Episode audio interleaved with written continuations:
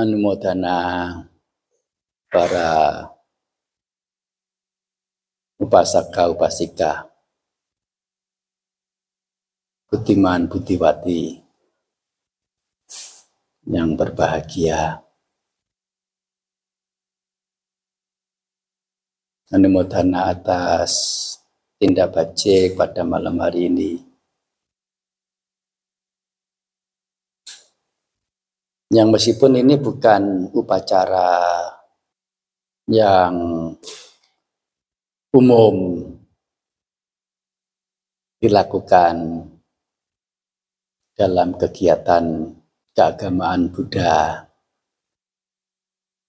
yaitu sifatnya adalah personal ya. Dan bagaimanapun adalah tetap sebagai bagian dari tindak bajik yaitu mengantar biku yang keluar wasa. Waktu masuk wasa disambut untuk masuk wasa. Sekarang diantar untuk keluar wasa. Sekali lagi itu semua sesungguhnya adalah kegiatan pihak biku baik secara perorangan maupun kelompok. Partisipasi, andil, dan perhatian kepedulian para upasaka upasika sedikit banyak telah memberikan cahaya keceriaan untuk suasana berdiam bersama, berinteraksi bersama, dan membangun hal-hal yang bajik bersama. Diwakili dengan bunga-bunga yang sangat cantik.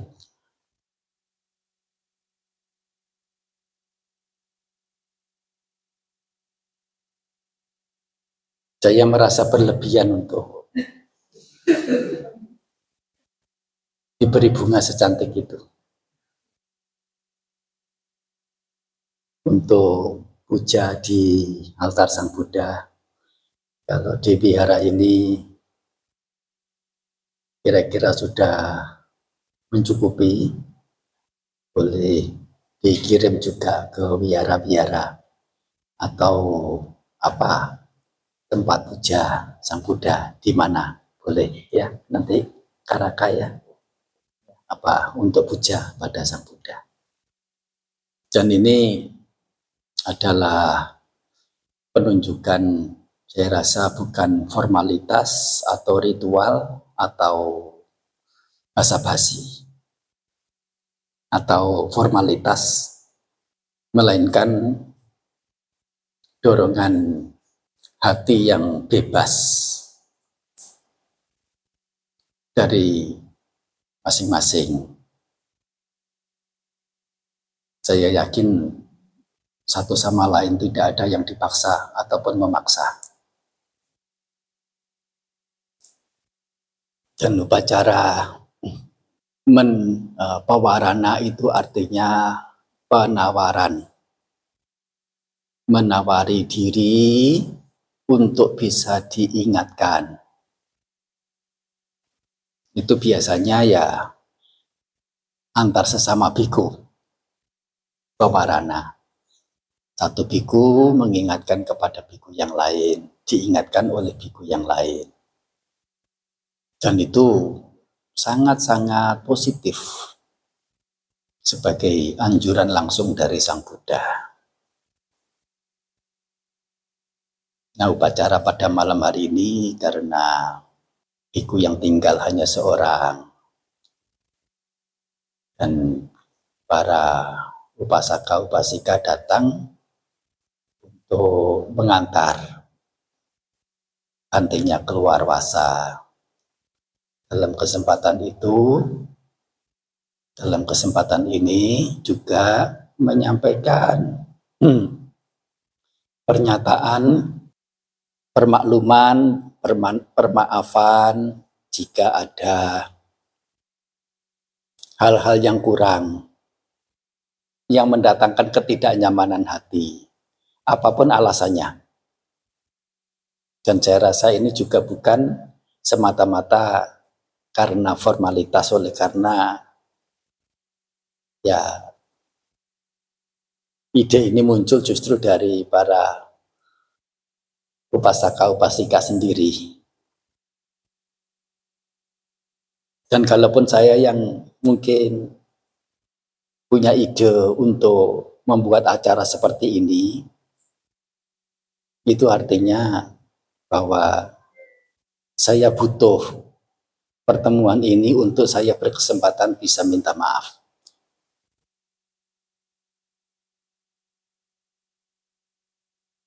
Dalam hidup bersama dengan siapa pun, nggak akan lepas dari kekecewaan. Oleh karena sudut pandang dalam orang berpikir, bertutur kata, bertindak tanduk, belum tentu bisa dimengerti, bisa dipahami oleh pihak lain. Belum lagi jika pemikiran, tutur kata, tindak tanduk itu disertai dengan sisi-sisi buruk. Dan celakanya yang namanya manusia itu adalah sarang keburukan sarang kecacatan. Yang tampak yang yang bagus atau yang tampak bagus masih kelihatan bagusnya itu kalau dilihat dari kejauhan.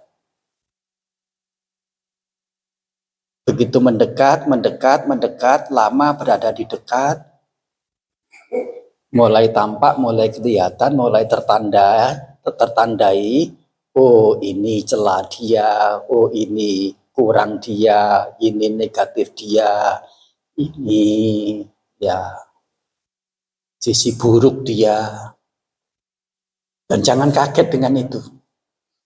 Kalau kemudian mendekat ke seseorang, lalu mendapati sisi celah, sisi negatif, sisi kurang orang tersebut. Oleh karena apa? Dasar pemikirannya adalah yang namanya manusia ini adalah sarang keburukan. Dan seseorang juga perlu mempermaklumkannya atau memakluminya karena yang namanya manusia itu kan bukan orang-orang yang dia lihat. Termasuk sosok yang melihat kan juga manusia. Yaitu diri kita sendiri ini tidak lepas dari yang namanya sarang keburukan. Sedikit banyak kita berharap orang lain bisa memaklumi sisi kurang yang kita ada. Dan saling memaklumi, saling memaafkan adalah tata kebiasaan yang baik. Dalam tata kebiasaan kebikuan juga ada bukan hanya saling memaafkan tetapi juga saling menawari diri untuk bisa ditegur, diingatkan. Untuk kebaikan bersama. Dan ini tentu bukan hanya sekadar ritual upacara, termasuk bukan sebatas antar biku dengan umat, umat dengan biku. Bukan sekedar antar biku dengan biku, tetapi juga akan sangat baik antar umat dengan umat. Satu keluarga besar, satu lingkup besar, satu lingkungan besar. Di perkumpulan, di organisasi, di kepanitiaan, di lembaga apa pun. Ini adalah nasihat bijaksana dari sosok yang bijaksana Sang Buddha. Dalam beberapa kesempatan ada juga pemikiran Sang Buddha yang setelah di yaitu beliau sampaikan itu tidak disetujui oleh para biku dengan sudut pemikiran yang yang beda yang lain. Sang Buddha bukannya tidak bijaksana. Sehingga ada pihak lain seolah-olah itu menyanggah dan yang menyanggah itu murid-murid beliau. Tapi ini bukan urusan benar salah yang mana yang benar mana yang salah, tapi adalah urusan perbedaan perspektif, perbedaan sudut pandang berpikir. Di beberapa kesempatan itu Sang Buddha meluluskan, mengiyakan. Baiklah, seperti yang Anda sampaikan itu. Sang Buddha menerima. Secara awam, sudut pandang awam, itu bisa dinilai sang Buddha pihak yang salah.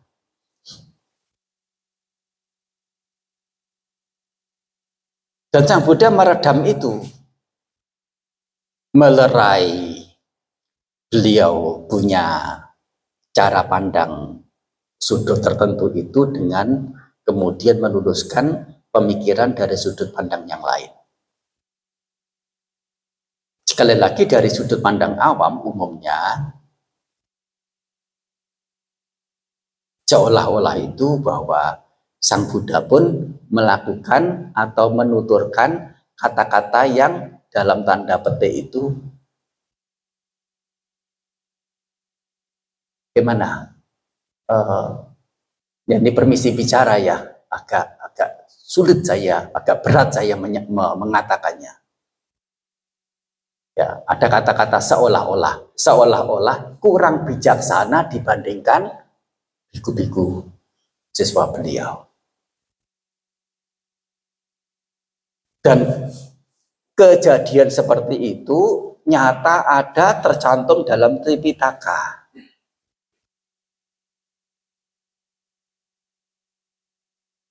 Artinya apa?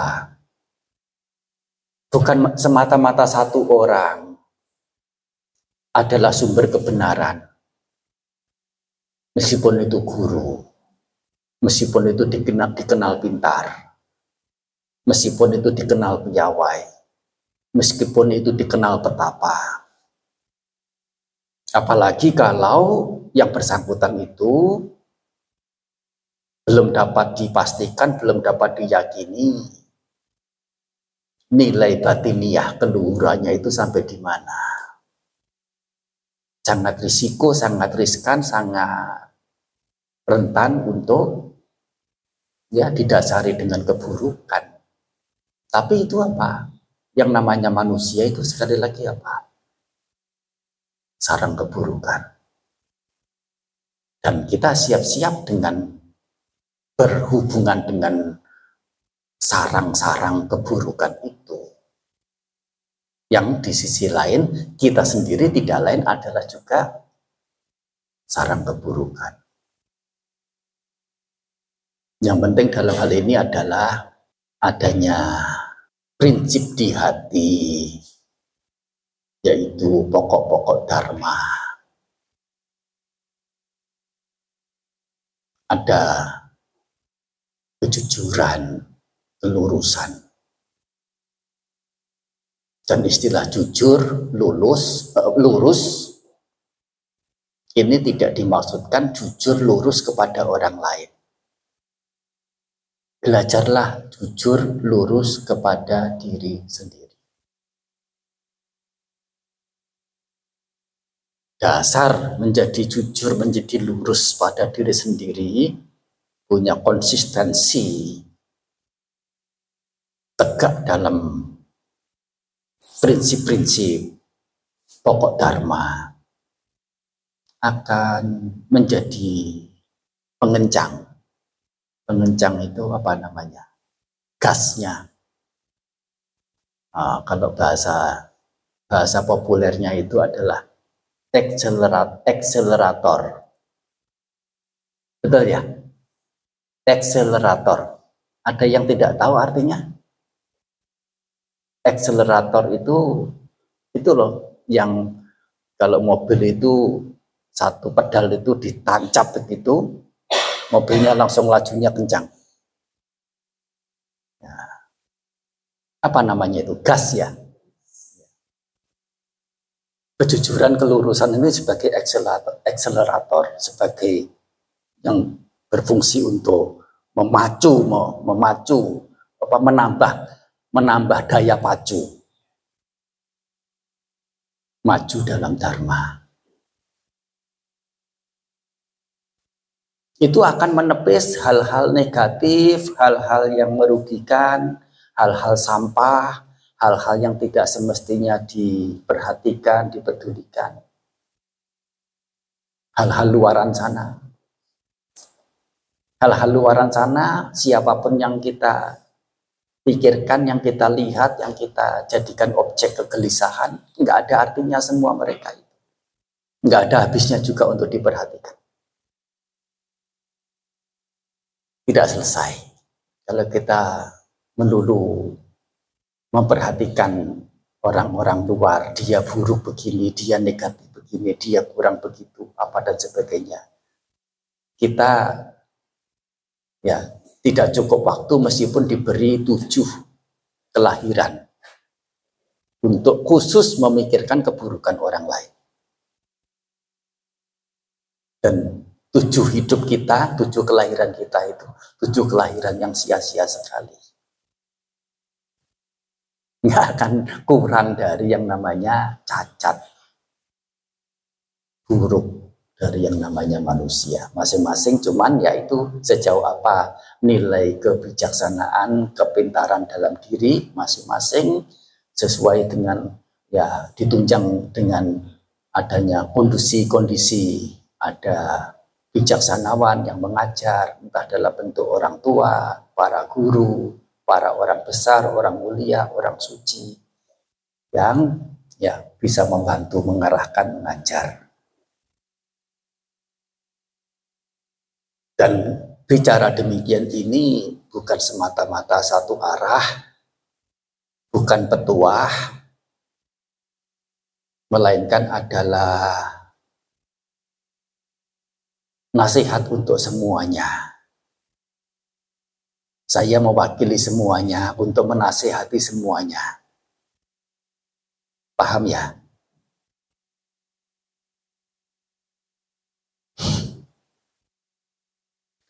Untuk menasehati diri sendiri juga. Ya, tidak lepas dari yang namanya hal busuk, hal buruk dalam yang namanya manusia. Jangankan memang ada hal busuk, yaitu pengotor-pengotor batin. Tidak ada pun potensi besar untuk dianggap buruk itu juga tinggi. Dicela, direndahkan, atau sebagainya, sebagainya. Sehingga kita juga perlu untuk berpikir, ber, ber, belajar berpikir, berusaha berpikir untuk melihat segala sesuatu dari skup yang agak luas, dari skup yang lebih luas, dari skup yang optimal luasnya. Kemungkinan-kemungkinan apa ya yang dia itu pikirkan, tujukan sehingga bertindak bersikap begini, bertutur begini, atau punya pemikiran begini. Soalnya kalau kita tidak dengan kecermatan menimbang, terburu-buru menyimpulkan, kasihan diri sendiri. Yaitu akan mendapati kerugian-kerugian yang kurang perlu. Lebih dari itu, kerugian yang yang tidak tampak tetapi adalah kerugian yang signifikan, sangat signifikan adalah tidak menggunakan kesempatan menggeladi nilai kebijaksanaan benih kebijaksanaan yang ada pada diri itu untuk bisa berkembang baik dan baik, lebih baik, lebih baik menelantarkan benih kebijaksanaan tidak terkembangkan. itu sangat disayangkan dalam hidup. Tidak jarang Sang Buddha dalam pagi hari untuk pergi menerima dana makan dari penduduk. Yang mana para perumah tangga siapa pun segala kalangan sudah menunggu di depan wihara. Dari mulai para pengusaha, pedagang, karyawan, bangsawan, brahmana, termasuk juga para raja. Beberapa diceritakan bahwa tidak ada satu orang pun yang berani maju tanpa maju untuk menerima mangkuk beliau tanpa sang Buddha itu mengarah ke orang tersebut untuk menyerahkan mangkok beliau kepada orang itu. Meskipun beliau itu adalah seorang raja. Nah, kembali tadi itu, di beberapa kesempatan Meskipun beliau tahu kenal wajah-wajah, ini adalah raja ini, ini adalah bangsawan ini, ini adalah putra raja ini, ini adalah brahmana ini, ini adalah pengusaha ini, ini adalah hartawan itu. Beliau menyerahkan mangkuk itu kepada seorang miskin untuk bisa diisi makanan dan dipersembahkan kepada Sang Buddha. Jadi untuk jelasnya itu dalam Sang Buddha berpindah patah ada kalanya beliau cukup keluar dari wihara kemudian beberapa umat yang menunggu itu uh, menerima mangkok yang beliau serahkan untuk dibawa pulang ke rumahnya diisi nas, nasi, lauk pauk, baru kemudian diserahkan kepada Sang Buddha. Dan itu artinya apa? Tertutup kesempatan yang lain siapa pun orangnya. Untuk berdana kepada Sang Buddha di hari itu. Soalnya Sang Buddha menerima makanan sekali. Kalau kira-kira ada yang mau kecewa, kira-kira yang akan kecewa itu berapa orang dibandingkan yang puas di kesempatan itu?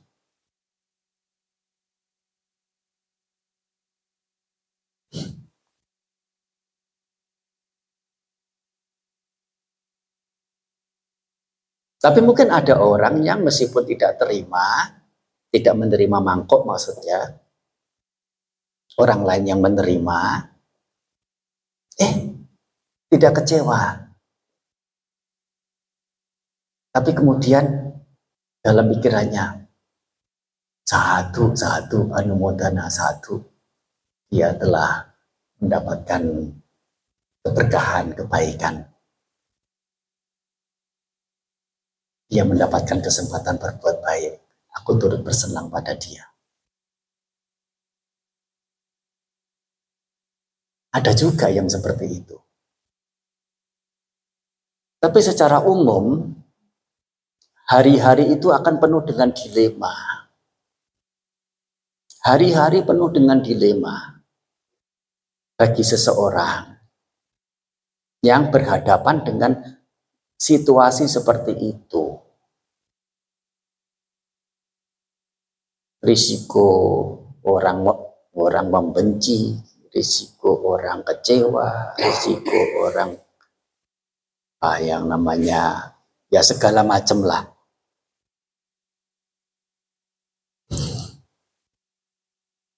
Ya ini bukan keluh kesah saya apa ya, bukan keluh kesah saya apa. Ini kan dalam rangka sharing bersama untuk kebaikan bersama, termasuk juga hubungan antar kita dengan kita, para berumah tangga dengan berumah tangga, antar para biku dengan para biku, apalagi kita dalam satu merasa satu keluarga. Entah keluarga di rumah, atau keluarga di wihara, keluarga di tempat kerja, keluarga di satu lingkup warga masyarakat. Nilai-nilai seperti ini ya perlu ada, patut ada. Tidak panjang lebar,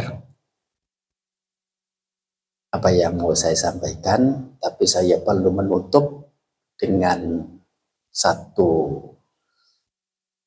teknik yang Sang Buddha ajarkan. Bagaimana kita tetap berada dalam situasi cinta kasih. Kalau boleh ditambah, berada dalam situasi cinta kasih secara mudahnya. Yang lalu ada yang bertanya seperti ini, bagaimana Bante mengembangkan cinta kasih secara mudahnya? Ah, di hari itu tidak terpikir teknik ini. tidak teringat. Ada satu, ya, ada satu hal yang Sang Buddha nasihatkan, ajarkan kepada kita, teknik mudah mengembangkan cinta kasih. Mengingat bahwa yang namanya manusia itu sarang keburukan, sarang noda, sarang celah. Nggak akan lepas dari yang namanya celah, disengaja atau tidak. Benar pahamnya atau salah paham. Karena terpaksa atau karena karena iseng, karena leluasa, karena ketidakbencian atau karena kebencian, karena tidak ada keserakahan atau karena ada keserakahan. Apa pun motifnya. Kemungkinan sisi kurang itu bisa muncul terjadi pada seseorang itu sangat besar. Bagaimana kita menyikapi orang yang kemudian menampilkan sisi kurang di, di, di depan kita, di hadapan kita, dan sedikit banyak membuat kita kecewa, membuat kita terugikan. Tentang sikap dia yang mengecewakan itu, memang betul itu mengecewakan. Tapi Sang Buddha minta, minta kita untuk mengingat-ingat kira-kira ada sikap dia yang setelah dipertimbangkan itu adalah sikap yang baik, sikap yang patut, sikap mulia yang pernah dia lakukan. Mengingat-ingat. Berusaha mengingat meskipun itu kecil, meskipun itu sedikit, meskipun itu sudah lama yang waktu yang lampau. Jika ternyata ada teringat, kira-kira masih ada alasannya tidak kita kemudian menaruh kebencian, kejengkelan, ketidaksukaan, kekesalan terhadap dia.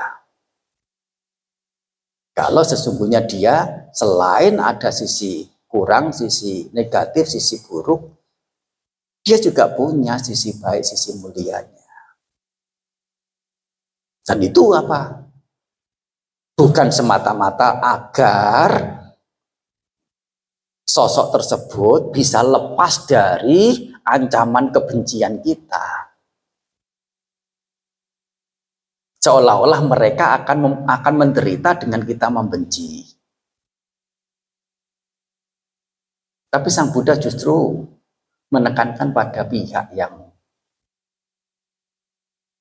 dianjurkan mengubah cara pandang, yaitu menilai sisi baik apa yang menjadi sikap dia selain dari sikap kurang, sikap buruk, sikap negatif yang muncul. Yaitu agar apa? Agar mencegah munculnya kebencian dalam hati. Oleh karena kebencian ini, alasan apa pun tidak boleh muncul. Kalaupun nyawa itu idealnya. Kebencian itu identik dengan penderitaan. Sewaktu kebencian muncul, nah Urian ini juga sudah sangat sering disampaikan, disampaikan. Saat kebencian muncul, saya tambahkan istilah yang lainnya, kegeraman muncul, dendamnya muncul, amarahnya muncul, kira-kira suasana hati akan menjadi tegang tidak ya? Akan menjadi panas tidak ya? Akan menjadi terhimpit tidak ya? Akan menjadi gelisah tidak ya? Yang sebelum kebencian, kemarahan, kejengkelan, kegeraman itu muncul, hati, dada, pikiran tenang, damai, sejuk. Menjadi panas, tegang, sesak, terhimpit, gelisah. Sesungguhnya ini keberadaan yang diharapkan, keberadaan yang menyenangkan, atau keberadaan yang tidak diharapkan, yang menyakitkan.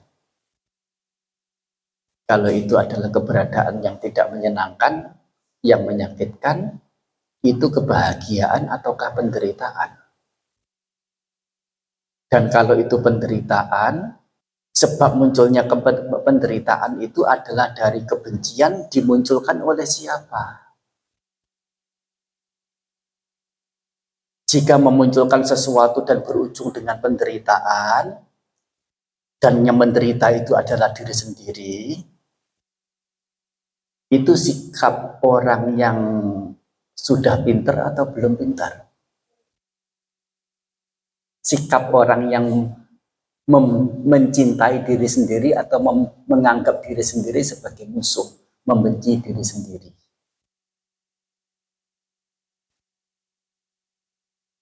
Ini yang perlu banyak diingat dua mantra ini. Dua mantra. Sudahkah saya menjadi seorang yang pintar? Sudahkah saya mencintai diri sendiri? Nah ini penjelasan tentang sisi buruk yang muncul. Hmm, kembali di topik awal tadi, kalau sudah muncul kebencian kepada seseorang, bukan orang yang dibenci itu yang akan menderita. Menciptakan penderitaan bagi diri si pembenci itu. Dan itu yang namanya lawan dari pengembangan meta cinta kasih. Dikondisikan bagaimana tidak ada kebencian. Caranya bagaimana? Pilihlah sisi positif, sisi baik, sisi mulia, sisi yang menyenangkan yang orang itu pernah lakukan meskipun kecil sedikit meskipun waktu yang lalu selama waktu yang lalu agar setidaknya meskipun kebencian itu tidak terpotong habis berkurang. Dan itu akan berimbas pada hati yang dalam diri kita ini yang merasakan secara nyata rasa lega dan rasa terhimpitnya, bahagia dan menderitanya. Kalau Misalnya ternyata aku tidak melihat sikap dia yang baik. Selain dari sikap buruknya, baik yang sekarang ini maupun sebelum-sebelumnya. Sang Buddha masih punya cara mengajar ke kita. Coba tilik, ingat-ingat, perhatikan. Ada tidak kira-kira tutur kata dia, yang positif, yang menginspirasi, yang mendidik, yang mengarah ke kemajuan secara bijaksananya. Jika ternyata setelah diselidik, oh ada, apalagi tidak sedikit. Adakah alasan kemudian untuk memunculkan kebencian dan dampak kebencian itu adalah menyerang diri sendiri? Kalau sampai Ternyata aku tidak pernah tahu, tidak pernah ingat dia punya tutur kata yang baik, kata-kata yang bermanfaat, kata-kata yang enak di telinga. Sang Buddha masih menasehati, kira-kira dia masih ada enggak pemikiran-pemikiran yang didasari oleh nilai-nilai bajik. Contohnya bagaimana? Ya, sikap dia buruk. Tutur kata dia kasar. Keras. Tapi sikap buruk dia itu, tutur kata keras, kasar, mungkin apa namanya, bahasa ketus. Ya, kalau Jawanya judes. Nah, itu didasari dengan ingin sengaja menyakiti atau didasari dengan cinta kasih, pengharapan baik. Atau pernahkah dia pergi ke satu tempat, memuja sosok yang patut dipuja, kemudian memberikan pemujaan, memberikan penghargaan, memberikan penghormatan. Dia punya hati yang baik, punya hati yang mulia pada momen-momen yang lainnya. Jika itu masih ada pada dia, pada mereka, sebetulnya dia masih ada sisi baik yang kita patut hargai dan tidak cukup alasan untuk kemudian membenci di satu pihak saja. Secara satu pihak secara sepihak. Yaitu melihat sepihak dalam sisi negatif, sisi buruknya ada saja. Ini adalah dalam rangka kita teguh tegak dalam praktik meta cinta kasih. Cinta kasih sangat diagungkan oleh Sang Buddha. Dan tentu cinta kasih ini sekali lagi tidak identik dengan wajah yang senyum manis, tutur kata yang lembut manis, di mana-mana selalu tersenyum, ada permasalahan ya tersenyum, tidak ada permasalahan juga tersenyum, ada orang buat baik yang tersenyum, ada orang berbuat tercela juga tersenyum. Aku praktek cinta kasih. Sedemikian rupa semestinya aku. Tapi dia mungkin tidak sadar kanan kirinya. Memikirkan tentang dia, berpikir tentang dirinya. Kayaknya sudah waktunya. Dia perlu minum obat.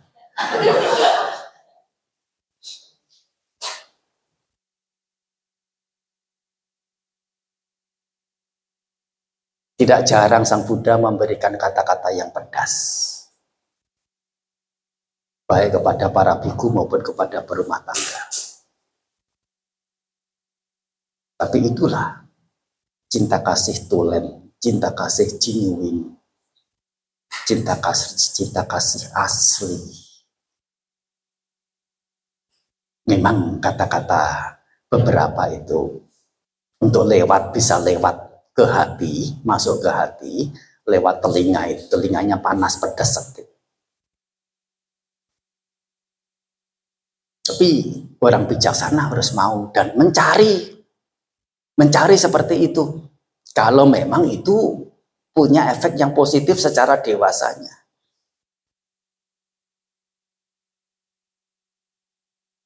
Ya barusan kemarin atau hari ini saya juga sampaikan dalam pembicaraan.